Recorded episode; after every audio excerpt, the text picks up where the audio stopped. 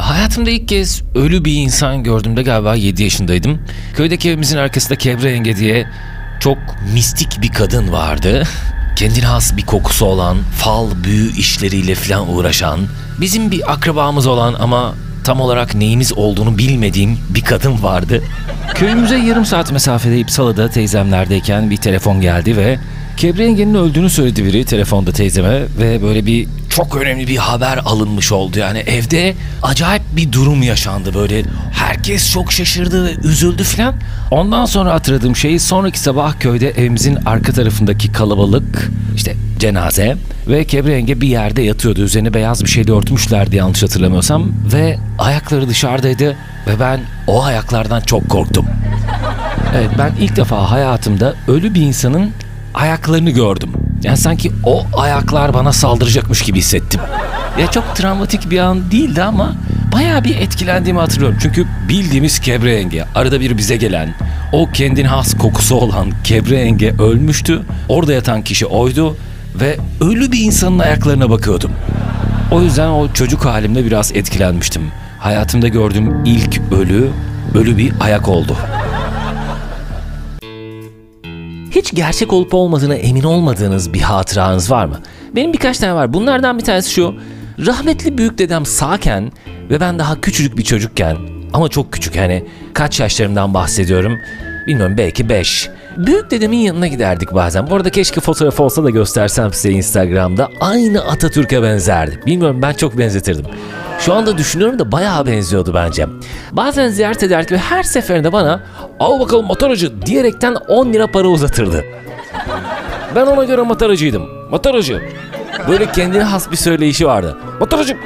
Gel bakalım mataracım. Bir dönem arkadaşlarla aramızda geyik olmuştu hatta birbirimize mataracı demeye başlamıştık. Mataracım.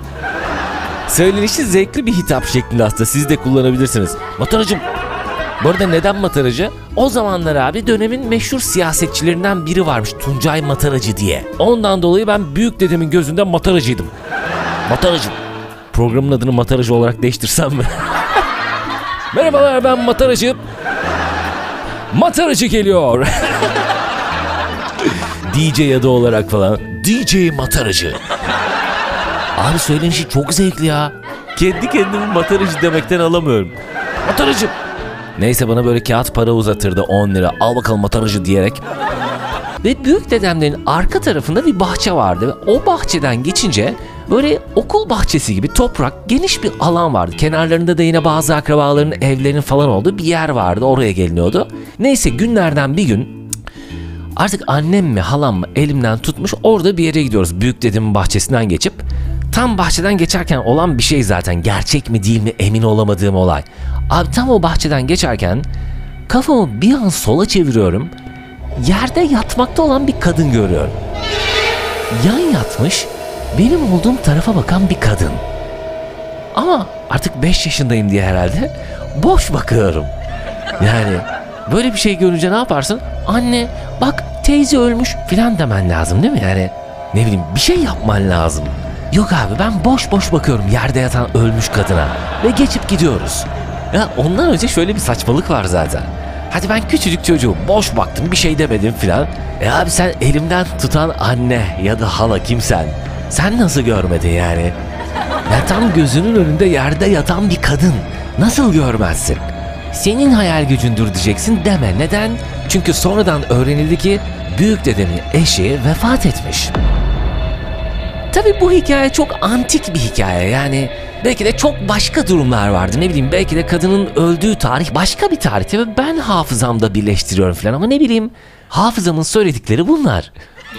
Çocukların algılayış şekilleri de çok komik bu arada. Yıllar sonra büyük dedem de vefat etti. Aradan belli bir süre geçtikten sonra şöyle bir şey hatırlıyorum. Yani büyük dedem vefat etti. Aradan belli bir süre geçti bilmiyorum. Ben diyeyim 3 yıl, sen de 5 yıl. Ondan sonra büyük dedemin ne zaman vefat ettiğiyle ilgili bir şey konuşulmuştu. Ve ben de atıyorum 7-8 yaşlarında bir çocuk olarak ısrarla 20 yıl önce olduğunu diretmiştim. Yani o kadar uzun zaman geçti ki büyük dedem öleli 20 yıl oldu ya 20 yıl evet. Böyle çocuk tartışması gibi bir şey olmuştu yani ne zaman öldü. Ve ben çok iyi hatırlıyorum 20 yıl önceydi ya diye düşündüğüm öyle direttiğimi yani. 20 yıl. Ahmet dedem de vefat ettiği zaman, Selim dedem de vefat ettiği zaman arkadaşlar onlar kadar yaşayabilmem için hangi yılı görmem gerektiğini hesaplamıştım. Ve Ahmet dedem kadar yaşayabilmem için 2073, Selim dedem kadar yaşayabilmiş olmak için de 2069 yıllarını görmem gerektiğini anladım. Yani 90-94 yaşlarına kadar, o yaşlara kadar yaşayabilmem için o yılları görmem gerekiyor. Şöyle bir düşününce 90-95 yaşlarımıza kadar yaşayabilir miyiz diye nerede duygusu geliyor değil mi? Hani şöyle bir yaşam kalitesiyle, şöyle bir dünyada 90 yaşına kadar zor geliyor. Klişe bir düşünce bu galiba. O yaşları asla göremeyiz. Ben o kadar ümitsiz değilim. Çünkü tıp çok gelişti. Ya aslında eski toprak olmak ve yeni toprak olmakla da çok alakası yok. 90 yaşlarına gelmek eskiden de zordu, şimdi de zor. Yani 90'larına gelmiş olan bir insan yaşayıp yaşayabileceği kadar gelmiştir. Yani finali görmüştür. Bir de ayrıca şöyle bir şey de var arkadaşlar. Mesela ben şuna inanıyorum ki Selim dedemden de Ahmet dedemden de şu ana kadar yarı yaşlarından daha az yaşamış olmama rağmen daha fazla şey yaşamış olabilirim diye düşünüyorum. İyi kötü daha fazla şey. Atıyorum onların akıllı telefonları olmadı. Ya benim akıllı telefonum oldu demiyorum yanlış anlamayın yani. Selim dedem hayatında belki de hiç film seyretmemiştir. Bilmiyorum emin değilim seyretti. Yani hep köyde olan, çobanlık yapmış olan. Mesela en son yaşadığı evde bir televizyon yoktu. Küçük bir radyosu vardı sadece. Selim dedem ya hiç ya da çok az film seyretmişken ben binlerce film seyrettim. Mesela Ahmet dedem hayatında hiç GTA 5 oynamadı. Belki de bu bizi yıpratan bir şey. GTA 5 oynamamış olsaydım yaşayacak olduğum süreden daha fazla yaşayacaktım belki bilmiyorum.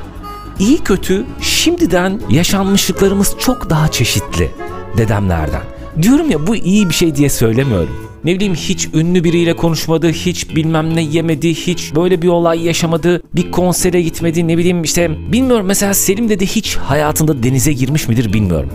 Bilmiyorum belki daha kötü belki daha iyi ama ya bizim arkadaşlar çoğumuz için geçerlidir bu diye düşünüyorum. Şimdiden dedelerimizden çok daha fazla yaşanmışlıklarımız var. Çok daha çeşitli şeyler yaşadık. O yüzden aslında 90 yaşına kadar yaşamak ya da yaşamamak böyle bir kıyaslama yapmak ne kadar mantıklı bilmiyorum yani. 90 yaşına kadar yaşayıp hiçbir şey yaşamamak var.